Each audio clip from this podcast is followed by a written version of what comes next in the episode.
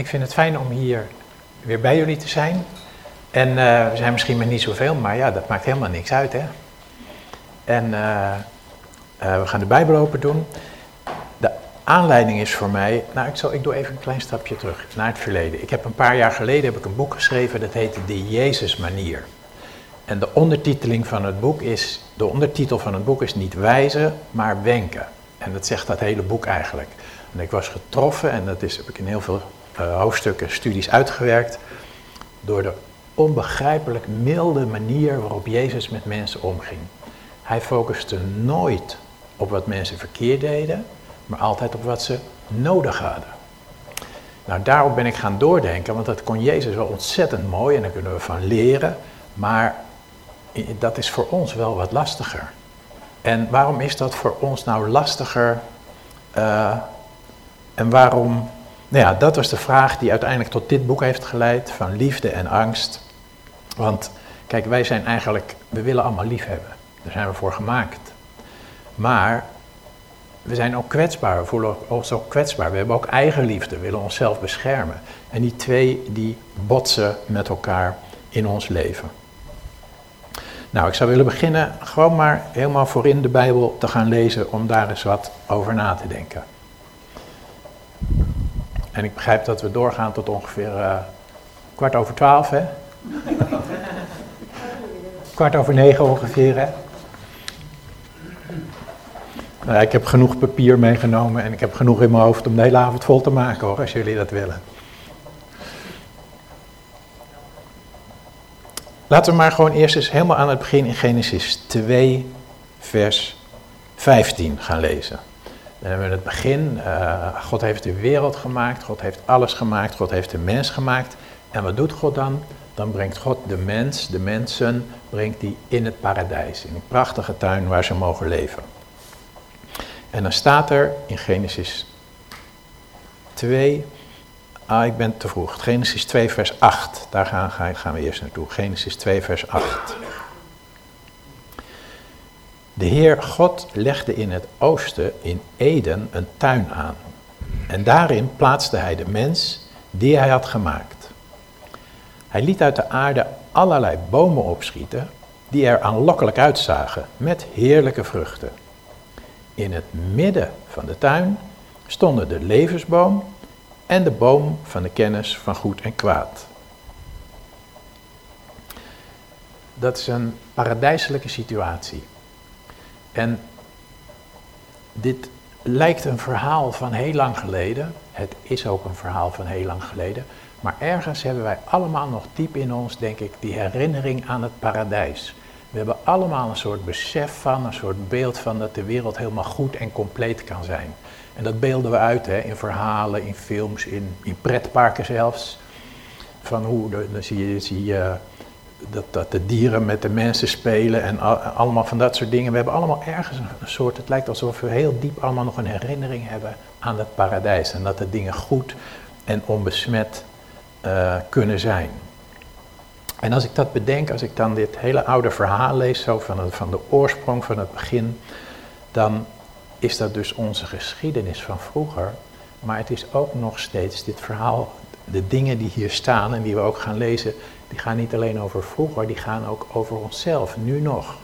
Ergens in ons is ook nog steeds dat verlangen naar het paradijs. En ergens in ons is ook die herkenning van het feit dat de wereld, dat het kwaad in de wereld gekomen is. En dan zie je dat hier, wat ik net lees, er staan twee bomen en die staan in het midden van de tuin. Dat betekent dus dat die mensen, die twee mensen, daar voortdurend mee geconfronteerd werden. Die kwamen daar een heleboel keren per dag langs, in het midden van de tuin. Die bomen die stonden centraal, dus daar kwamen ze steeds tegen. tegen.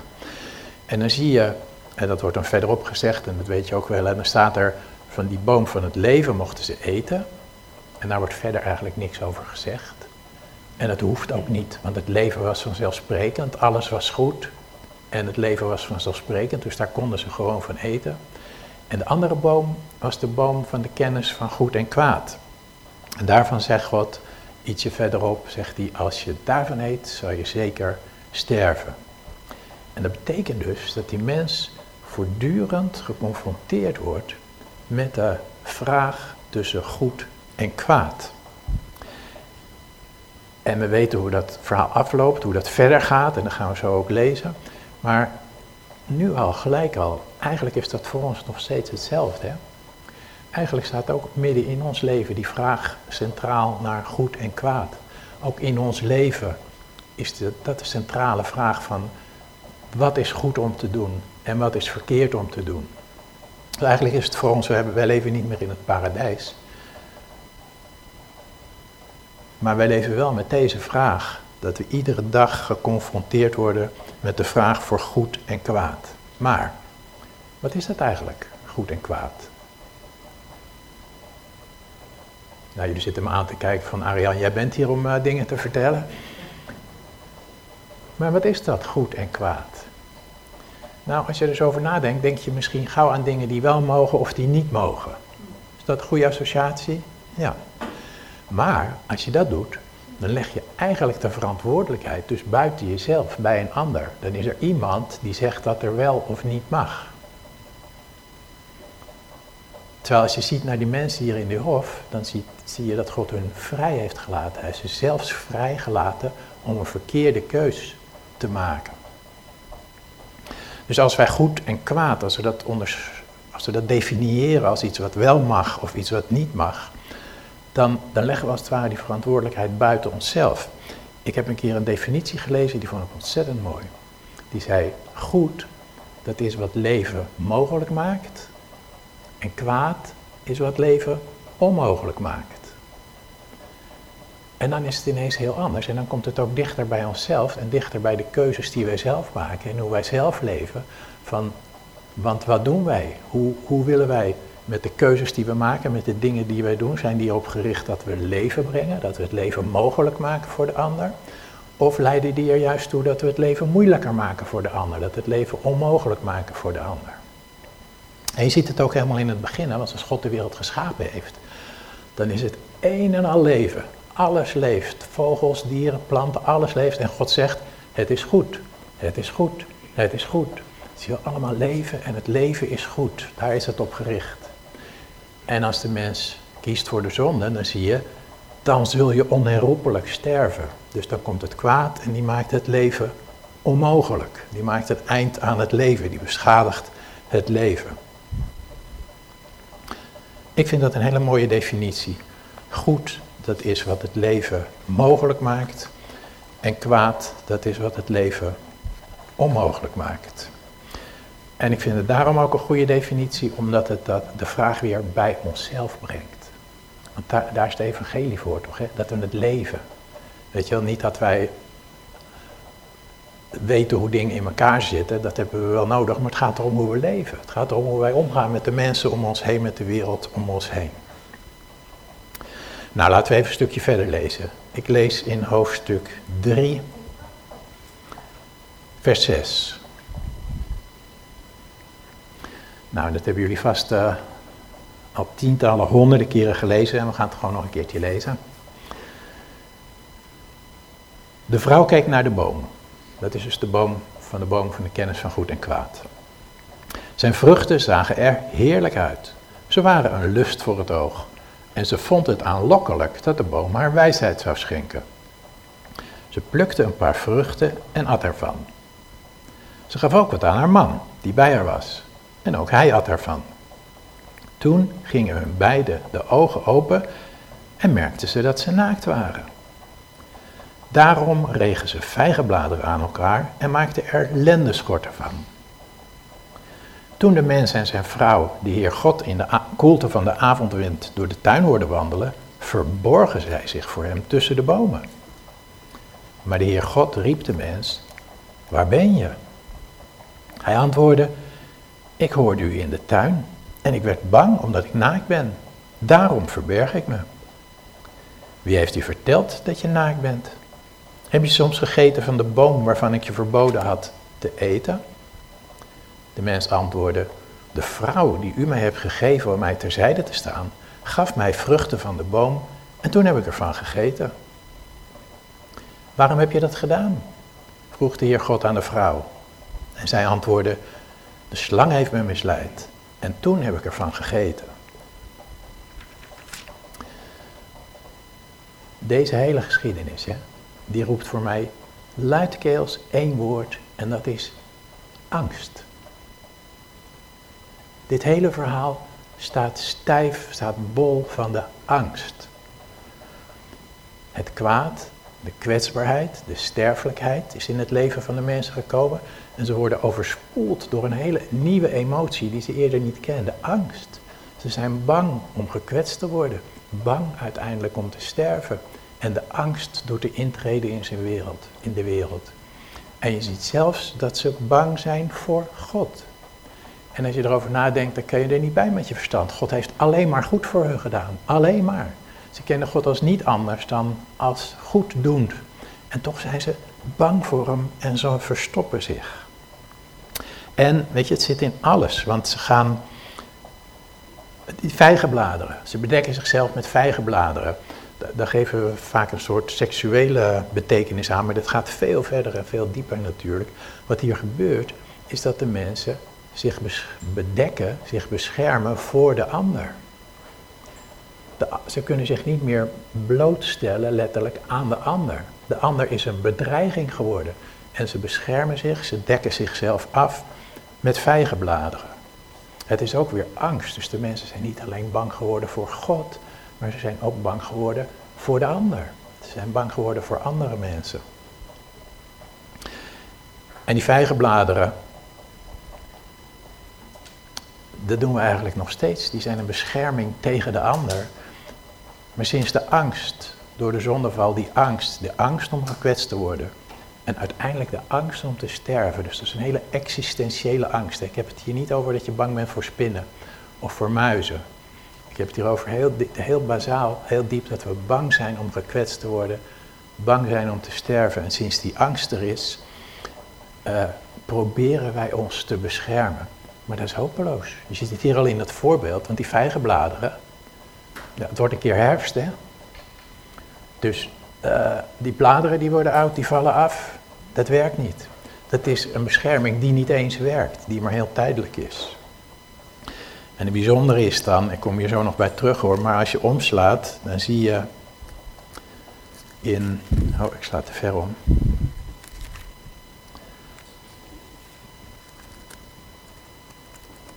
Ach, geknoei, mijn handen doen het niet zo goed meer. Nou, dat is wel verdrietig als je niet eens je Bijbelblad meer kan omslaan. Nou, doe het even van papier. Sorry hoor voor de. Voor de. Nee, ik lees het even van papier, want ik. Dankjewel hoor. Of nou ja, als je gewoon de rest van de studie ook even kan doen, dan eh, kan ik lekker uitrusten. In hoofdstuk 3, vers 21 staat bij mij op de volgende bladzij: God, de Heer, maakte voor de mens en zijn vrouw kleren van dierenvellen en trok hun die aan. Nou, even een paar dingen erover. Ten eerste, de mensen zijn bang, hè? Ze zijn bang voor God, ze zijn bang dat God hun zal straffen, dat God hun kwaad zal doen, want ze hebben iets verkeerds gedaan. En dat zit zo ontzettend diep. En misschien vind je het lastig om te denken, maar omdat wij van God houden zoals we hier zitten, maar ergens diep van binnen zijn wij ook allemaal nog bang voor God. Als je in, in, in de theologie, in welke theologie dan ook, zit altijd nog heel veel angst voor God verstopt. Weet je, wij zijn niet anders dan Adam en Eva. We zijn diezelfde mensen.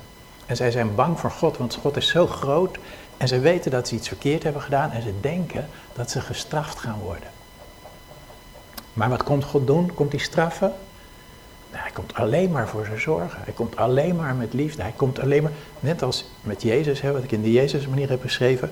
God kijkt niet, die focust niet op wat je verkeerd hebt gedaan, maar die focust op wat je nodig hebt. Dat zie je ook. Hij begint niet te mopperen van wat zijn jullie in sukkels, wat heb je nou gedaan, je hebt de hele boel verpest, had nou geluisterd, weet je wel. Zo zouden wij misschien een beetje gereageerd hebben. Dat doet hij niet. Hij zegt, waar ben je? Kom hier, ik wil je helpen. Wat zit je te hannissen met die vijgenbladeren? Ik zal, en dan slacht hij een dier, ik zal betere kleren voor je maken. Dus hij komt met zorg. En hij komt met hulp. Maar het is wel diep, diep tragisch wat God moet doen voor die hulp. Want daar zie je ook aan dat het kwaad in de wereld gekomen is en dat goed en kwaad onlosmakelijk met elkaar verbonden zijn. Want dat goede voor die mens, dat zij kleding krijgen, dat ze bedekking krijgen, daar moet een dier voor sterven. Maar die dieren waren niet om doodgemaakt te worden. Die dieren waren om te leven. Dus God snijdt in zijn eigen schepping. Hij snijdt als het ware in zijn eigen vlees. Hij zit dus ook, het is raar om te bedenken, maar God zit dus ook met de gevolgen van wat de mens heeft gedaan. De mens heeft het kwaad op de aarde gebracht en het goed en kwaad zijn met elkaar vermengd. En om het goede te doen voor de mens, is God ook gedwongen om zich te houden aan die wetmatigheid die de mens in de aarde heeft gebracht, dat het goede ook pijn kan doen. Dus er moet een dier lijden, zodat de mens geholpen kan worden. Is op zich, dat is dus diep tragisch, maar het is op zich ook heel, heel duidelijke verwijzing al naar Golgotha, hè, want dit is wat God doet. Hij snijdt in zijn eigen vlees, hij offert zichzelf op om de mens te redden, om de mens te helpen. En hier is dat nog een tijdelijke bedekking, want ook die leren kleding die gaat een keer slijten. Maar uiteindelijk is het een beeld van wat Jezus komt doen. En wij leven nu nog ook in die tijdelijkheid, hè? maar we mogen uitzien naar dat straks alles wordt opgelost. Doordat God in zijn eigen vlees snijdt.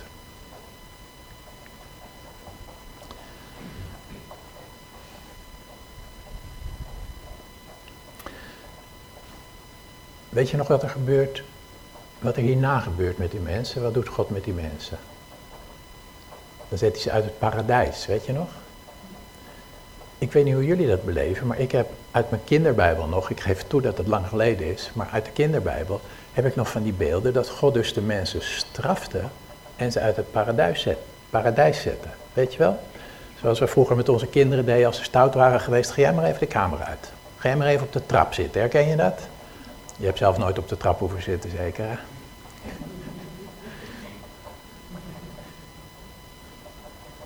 God straft ze. Maar dat is helemaal niet waar.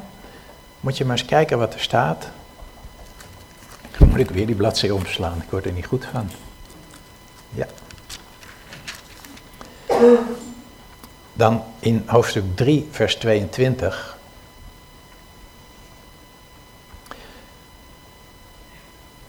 Toen zei de Heer God, nu is de mens aan ons gelijk geworden. Nu heeft hij kennis van goed en kwaad. Nu wil ik voorkomen dat hij ook vruchten van de levensboom plukt. Want als hij die zou eten, zou hij eeuwig leven. Daarom stuurde hij de mens weg uit de tuin van eten, Eden om de aarde waaruit hij was genomen te gaan bewerken. Dus waarom stuurt God de mensen uit het paradijs weg? Niet om ze te straffen, maar om voor ze te zorgen. Want als ze in die staat waarin ze zijn, in die gevallen staat van de levensboom zouden eten, dan zou dat altijd zo blijven. Dan zou er geen redding meer mogelijk zijn, zeg maar. Dan bestendigen, dan blijven ze in die situatie waarin ze zitten. Dus om dat te voorkomen, dus niet omdat God boos is, niet omdat hij ze wil straffen, niet omdat hij ze een lesje wil leren, maar om voor ze te zorgen, zegt God, nou dit is mislukt. En hij, hij, hij zeurt er niet over, zeg maar, hij moppert niet. Maar hij zegt, nou, je mag weer opnieuw beginnen. Je krijgt een nieuwe plek. Je moet wel zweten, zegt hij, hè? tegen Adam. Je moet zweten om de aarde te bewerken. Tegen Eva, je moet pijn lijden om kinderen te krijgen. Dus het wordt niet makkelijk, maar ze krijgen een nieuwe plek en nieuwe mogelijkheden en God helpt hun erbij. Dus je ziet dat God alleen maar komt met zorg. Hij kijkt naar wat de mens nodig heeft. Maar hoe komt het dan? Hè? Dat is iets om over na te denken. Hoe komt het dan dat wij geneigd zijn om te denken dat God die mensen straft? Dat hij ze voor straf op de gang zet? En dat komt weer door die angst in ons. Omdat we ergens allemaal zo'n soort gevoel heeft, hebben dat God een soort boze vader is. Die als we iets verkeerd doen, dat hij ons straf geeft. Maar dat is de wereldse, dat is de aardse vader, dat is de situatie van tussen ons mensen. Het is onze angst die maakt dat we met dat soort beelden van God leven. God is liefde, staat er. God heeft alleen maar zorg voor de mens. En je ziet het hier ook, hè? geen woord over wat ze verkeerd hebben gedaan. Alleen maar, ook al is het beperkt, toch weer nieuwe mogelijkheden aanbieden. Ze geven wat ze nodig hebben.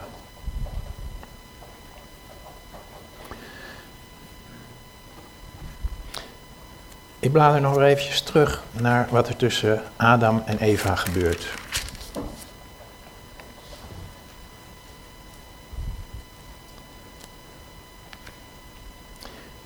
Je ziet hier al aan hè, dat hoe diep die angst in het leven van de mens ingrijpt. En als je nou kijkt naar wat er gebeurt tussen Adam en Eva, dan zie je, ik ga eventjes daar naar terug. God komt, hè, van waar ben je? En dan vers 10. Adam zegt, ik hoorde u in de tuin en werd bang. En dan zegt God, waarom heb je dat gedaan? En dan moet je horen, vers 12. De mens antwoordde, de vrouw die u mij gegeven hebt. Het is God zijn schuld. Zie je dat? Ja, God, dat u mij die vrouw niet moeten geven. Uw schuld. Dat is natuurlijk onzin, snappen we ook wel. Maar dat is, waarom doet hij dat? Omdat hij bang is. Dat is zelfhandhaving. Hij is bang dat hij gekwetst zal worden, dat hij straf krijgt, dat God hem, dat hij pijn gaat lijden. En dan moet iemand anders de schuld hebben. En dan zegt hij, die vrouw die heeft het gedaan. Zij heeft het gedaan. Nou, daar kunnen we natuurlijk eindeloos flauwe grappen over maken. Dat doe ik normaal gesproken ook graag, maar dat doe ik nu maar even niet. Hij zegt, zij heeft het gedaan. Nou, even een vraag. Denk je dat Adam van Eva hield? Ja, ja hij had ook geen keuze. Hij kon niet uh, op de buurvrouw vallen, zou ik maar zeggen, want uh, er was er maar één. Maar hij hield van haar. Maar zie je wat hier gebeurt? Hij gooit er gewoon voor de leeuwen als hij zelf in gevaar komt. Want hij is bang dat hij straf krijgt. Hij is bang dat hij pijn gaat lijden. En zegt hij tegen God, je moet mij niet hebben hoor, pak haar maar. En hij houdt van haar. Nou, daar, dat, is, dat schetst helemaal die strijd tussen liefde en eigenliefde, tussen liefde en angst in ons leven. We willen lief hebben. En Adam heeft zijn vrouw lief. Maar als hij zelf gevaar loopt, dan komt dat ego, die kracht van zelfbehoud, die drang om jezelf te redden, die komt op en die zegt, nou pak haar maar. Weet je wel? En zo zie je dat de angst, die existentiële angst, die angst om gekwetst te worden, die angst dat we onze plek kwijtraken, de angst dat het verkeerd gaat met ons, die kan dus die maakt ons blind. Hij vergeet zelfs dat hij van zijn vrouw houdt. Nou, dat is hoe dat werkt, hè. Ik zal een klein voorbeeldje geven. Stel je nou voor dat hier een kopje koffie stond. En die staat er niet, maar ja, ik heb geen koffie van jullie gekregen. ik heb er twee keer voor bedankt. Ik wou even kijken hoe het tussen ons gaat met de liefde en de angst. Uh, of dat wel goed, goed lukt. Hier staat een kopje koffie wat ik heel vriendelijk gekregen heb. En ik sta enthousiast te praten en ik sla het kopje koffie om en het valt op de grond. En dan zeg ik, ja, wie zet daar dan ook een kopje neer? Herken je dat? Want iemand anders moet het gedaan hebben. Het is maar een onnozel kopje koffie, hè? Maar dat is hoe het werkt. Ik, ik voel me, want anders gaan ze wat voor mij zeggen. Doe niet zo dom met het kopje koffie. Nee, ja, iemand anders heeft het gedaan. Herken je dat? Dat is liefde en angst. Op heel kleine schaal. Ik voelde geen angst rond het kopje koffie, weet je wel. Zoals ik bang ben als er een vrachtauto op me afdendert of zo. Maar dat is liefde en angst. Dat is liefde en eigenliefde. Dus om mijzelf te beschermen moet iemand anders de schuld hebben. Nou, dus dat hele grote, diepe wat we hier lezen bij Adam en Eva, dat zit bij ons gewoon in, ook in die hele kleine dingetjes. Van een kopje wat omgaat en iemand anders die de schuld moet hebben. Dus wat we hier lezen, in die eerste hoofdstukken van Genesis, dat is eigenlijk, dat is de zondeval. Onder die term kennen we het ook en dat is het ook. Maar wat hier gebeurt, dat is zeg maar de geboorte van het ego. Het ego kan wat negatief klinken, maar dat is gewoon dus niet per se negatief of positief. Dat is de drang tot zelfbehoud. Bijvoorbeeld als hier brand uitbreekt, dan is dat die drang die ons helpt om naar buiten te vluchten. En iedereen, alle anderen opzij te duwen. En naar buiten te vluchten. Dus je ego kan je ook helpen om te overleven, zeg maar. Maar die drang om te overleven, die drang om jezelf te beschermen, die wordt hier geboren, zeg maar.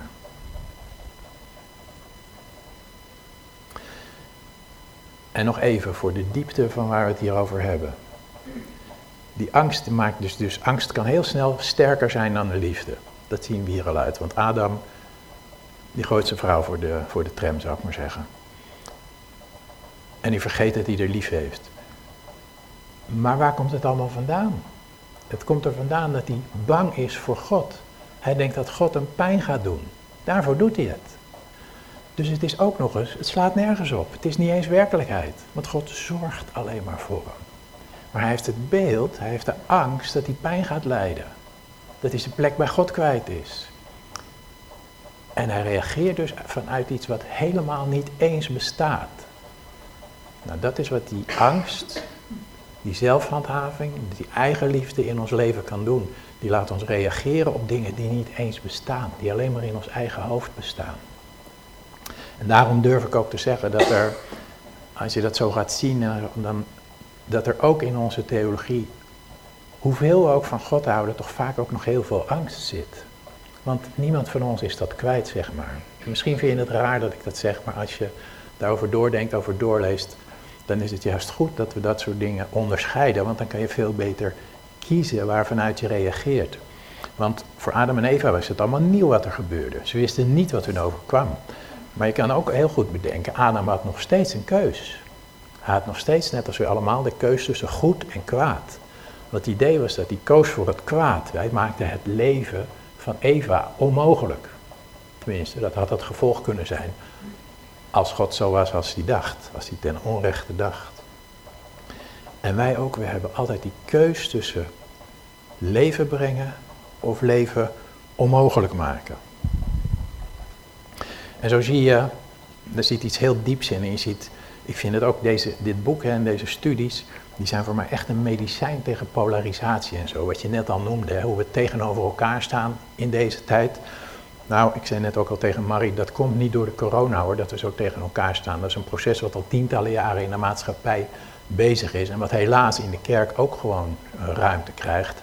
Dat de, ander, dat de mening van de ander er niet toe doet en dat de mening van de ander verwerpelijk is en dat de ander zelf dus ook verwerpelijk is.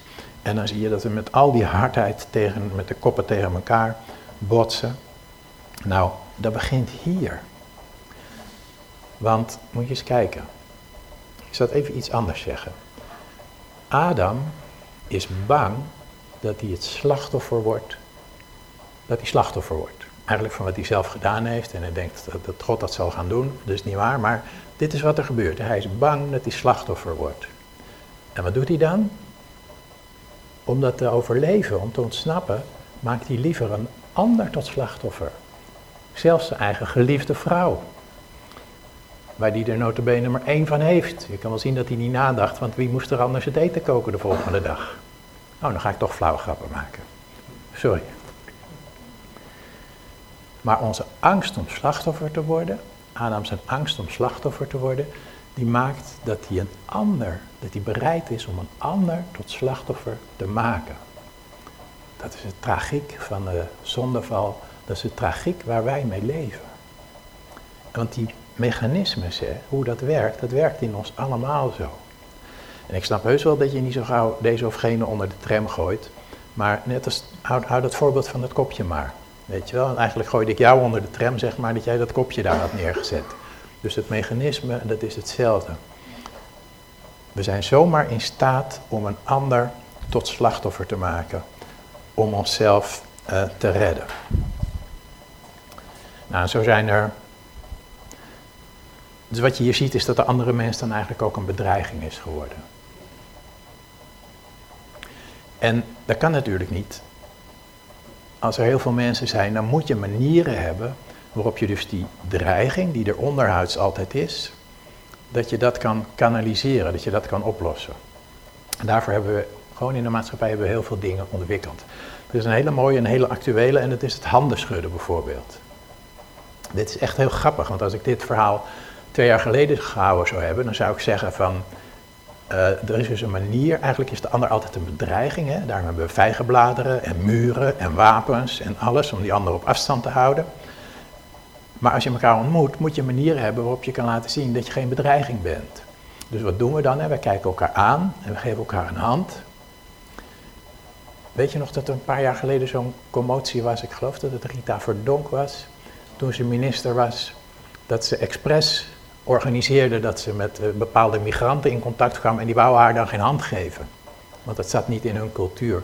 En dat was een hele heisa. En zei, het is toch normaal om iemand een hand te geven?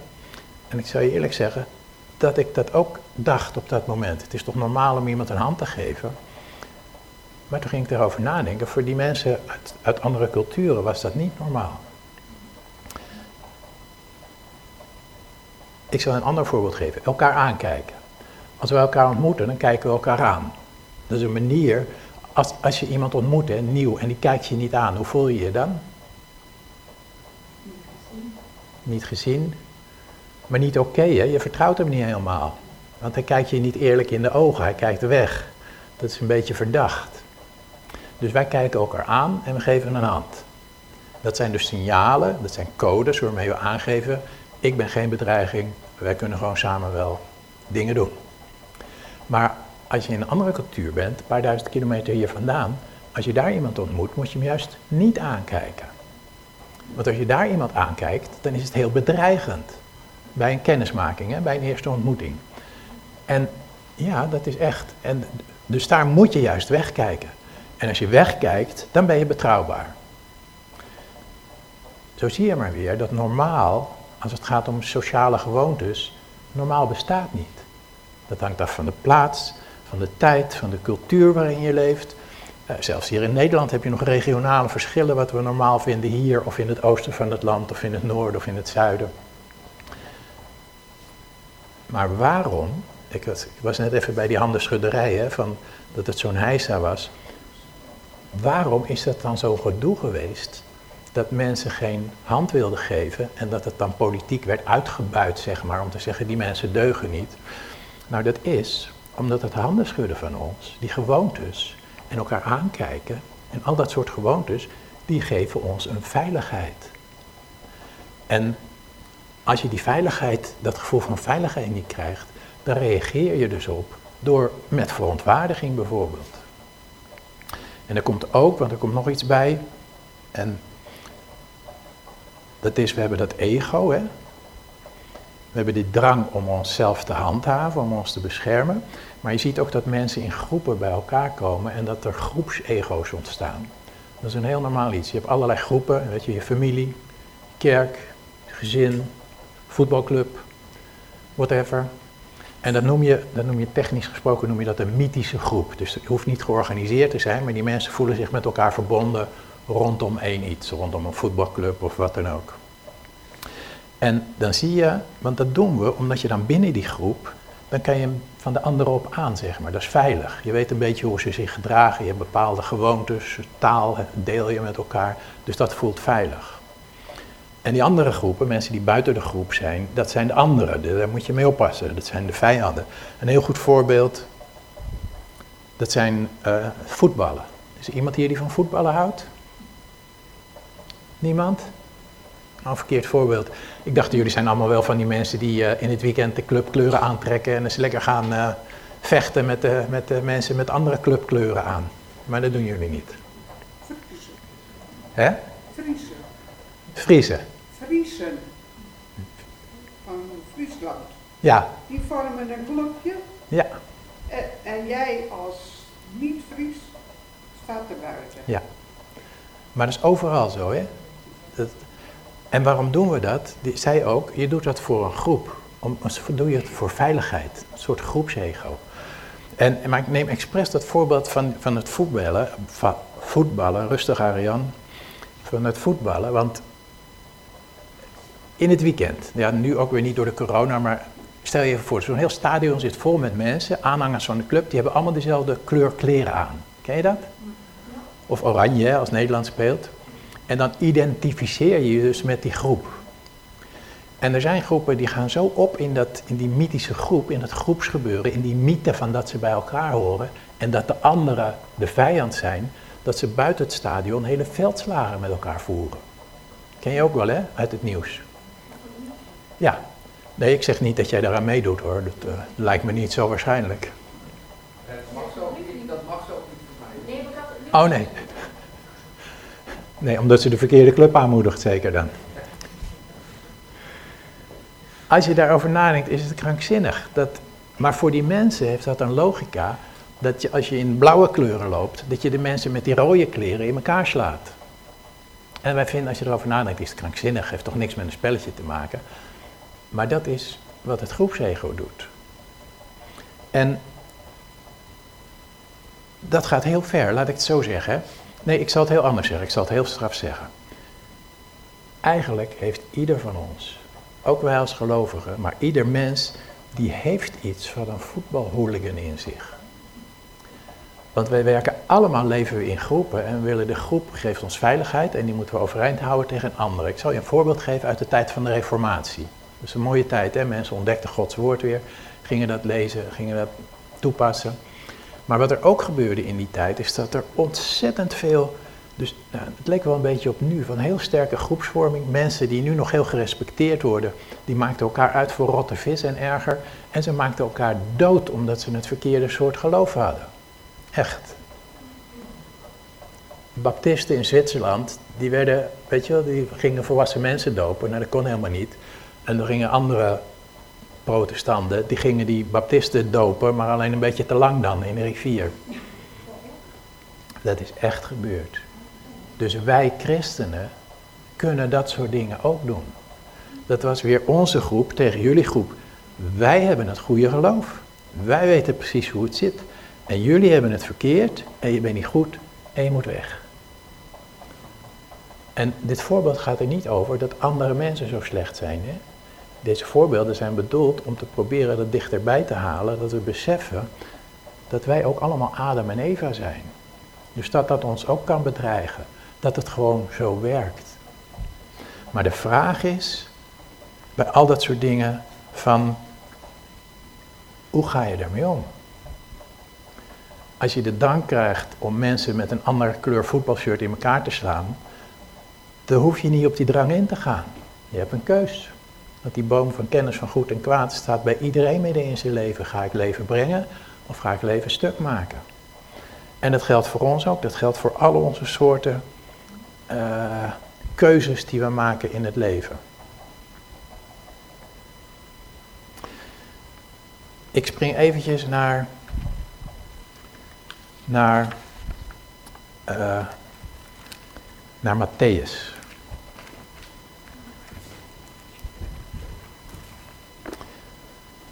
Want als we het hebben over liefde en angst, dan hebben we nu hier gezien hoe de angst ontstaat. En ik heb geprobeerd met een paar voorbeelden en een paar dingen aan te geven wat een enorme uh, kracht dat ook in ons leven is. En dan gaan we kijken naar wat Jezus zegt over liefde. En dan wil ik lezen Matthäus 22, vers 35.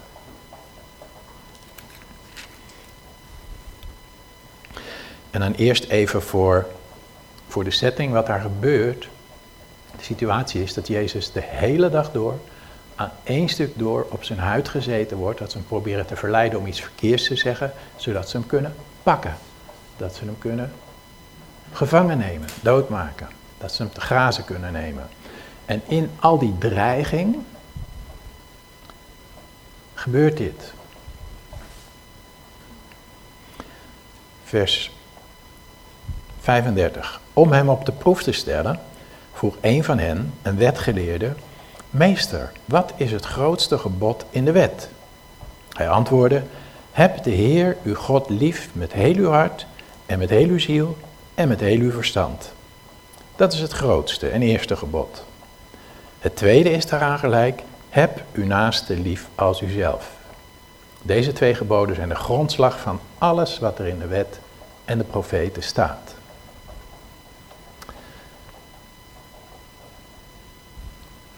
Jezus wordt op zijn huid gezeten. Hij wordt bedreigd. Hij is heel erg kwetsbaar. Hij zou dus kunnen reageren, maar je ziet dat hij dat nooit doet, met terug te slaan. Weet je wel, dat is een beetje de neiging die wij hebben. Als we in het nauw komen, als je mij, dan heb je de neiging om terug te slaan. Met woorden, hoe dan ook. Maar wat Jezus doet, en dat zie je dat hij dat altijd en altijd en altijd weer doet, is hij praat over liefde, maar hij praat er niet alleen over, hij doet het ook.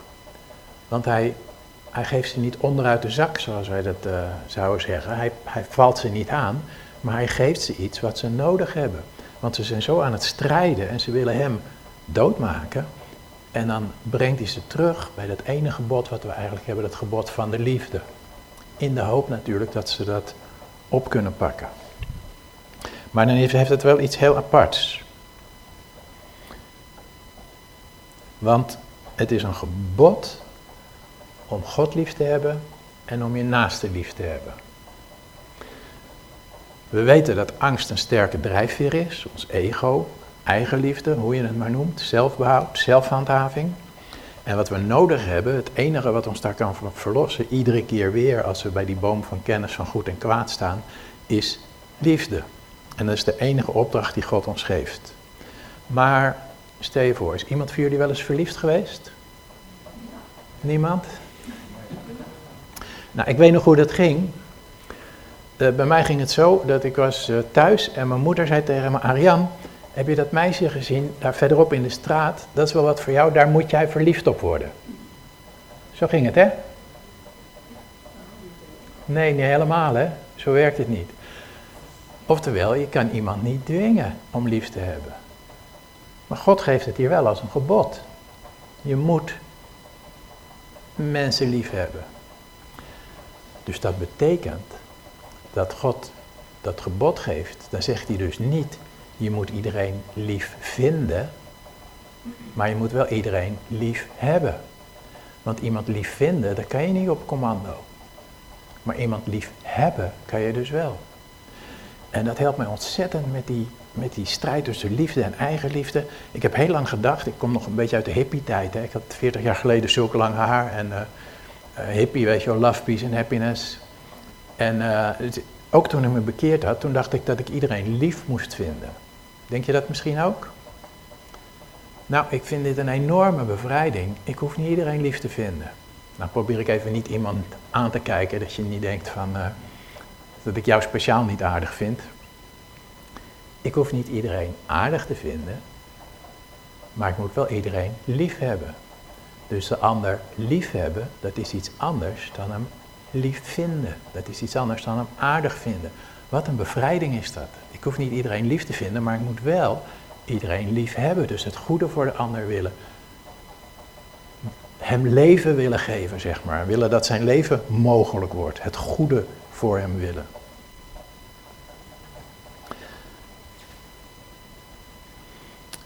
En dan staat er in vers 39, heb uw naaste lief als uzelf.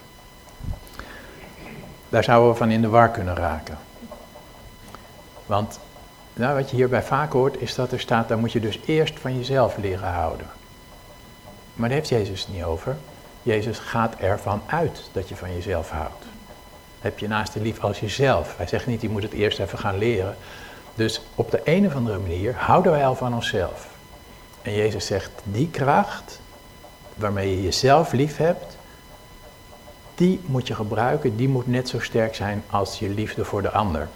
En welke kracht is dat die van onszelf houdt? Dat is ons ego. Dat is onze eigen liefde. Dus Jezus die leert ons hier, die zegt, je houdt van jezelf. Nou, dat is onze eigen liefde. We houden van onszelf. En zo ook van de ander houden. Dat betekent dus dat hij ons opdraagt om die ander, of we hem nou aardig vinden of niet, of die nou lastig is of niet, dat we hem zijn ego net zo belangrijk vinden als dat van ons. Dat we net zo graag willen het goede voor hem of voor haar willen als voor onszelf. En we hebben al een beetje gezien hoe ontzettend sterk die drang in onszelf is om het goede voor onszelf te willen, om te overleven. En Jezus zegt, nou die, hè, die kracht in jou, hoe je jezelf wil overleven, jezelf wil handhaven in de wereld, dat zou je moeten inzetten voor die ander. Nou, dat is dus een hele, hele grote opdracht.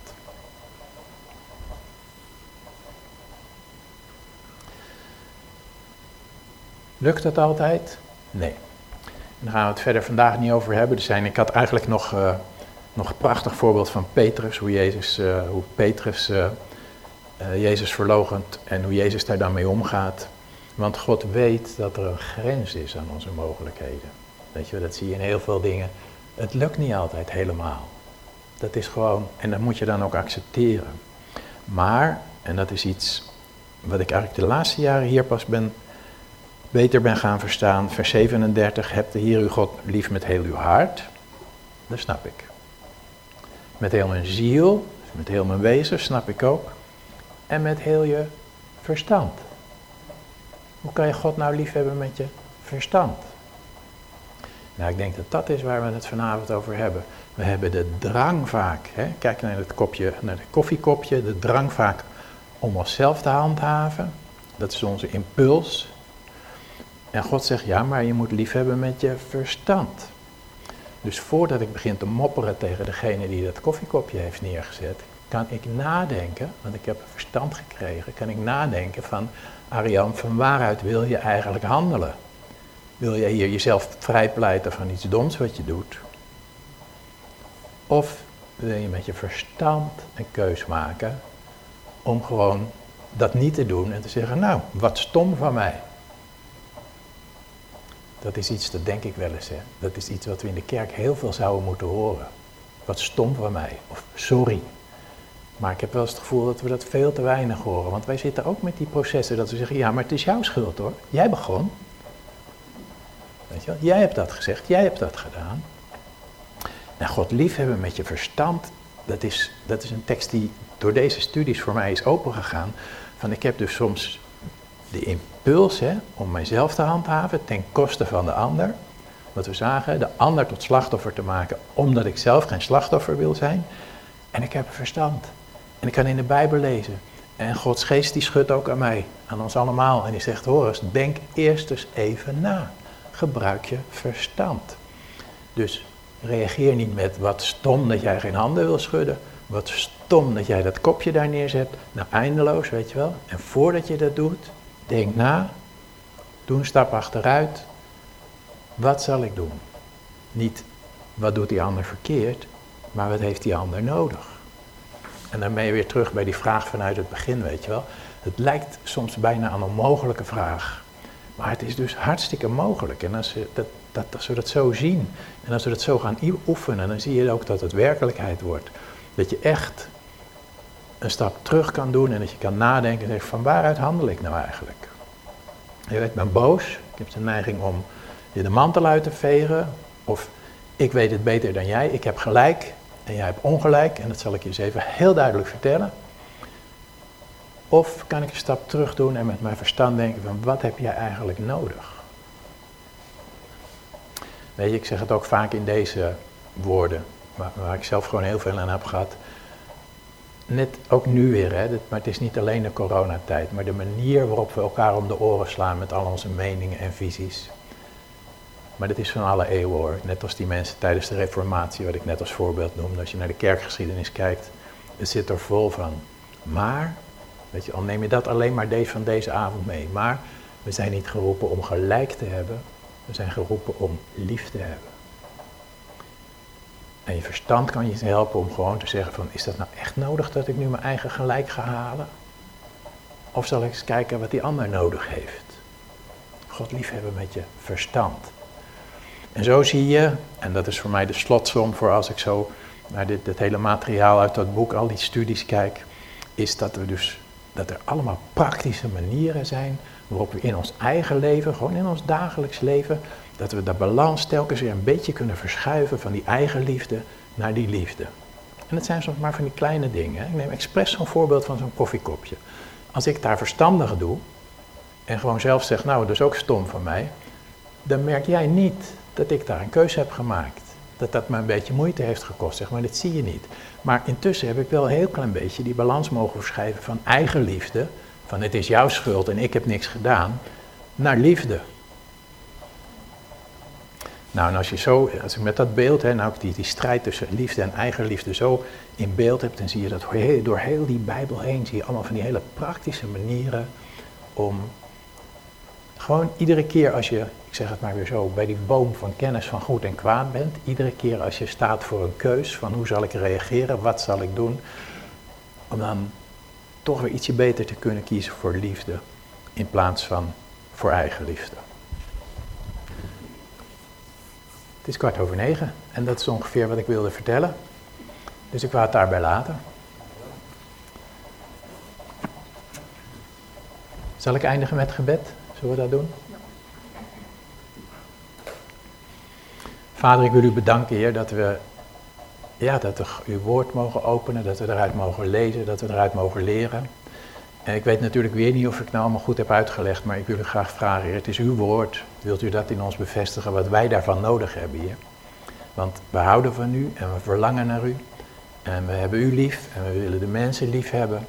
En als er dingen in zijn die vanavond gezegd of besproken of gelezen zijn, die u, waarmee u ons extra wil aansporen, Heer, doe dat dan alstublieft. Geef ons wat we van u nodig hebben, Heer. Help ons in die lastige contacten met de mensen om ons heen, soms als het gesprek niet meer mogelijk is, Heer, al die ingewikkelde dingen. Heer wil ons daarbij helpen, Heer, dat we toch weer blijven kijken naar wat die ander nodig heeft. Leer ons om u en de ander lief te hebben met ons verstand. Dank u wel voor deze avond, Heer. Dank u voor al het goede wat u geeft. Amen.